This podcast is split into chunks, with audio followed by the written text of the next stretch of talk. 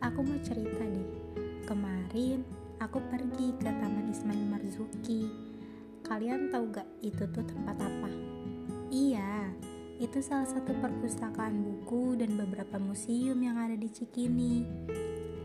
Di sana, aku membaca banyak buku.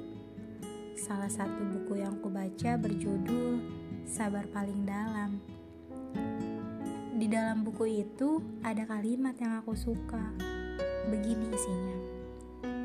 Di sebuah taman, aku melihat beberapa jenis bunga.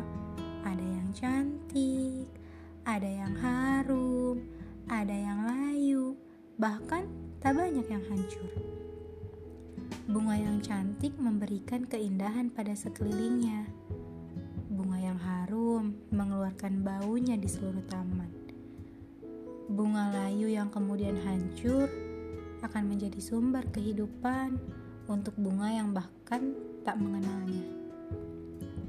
Seperti itu salah satu isi bukunya.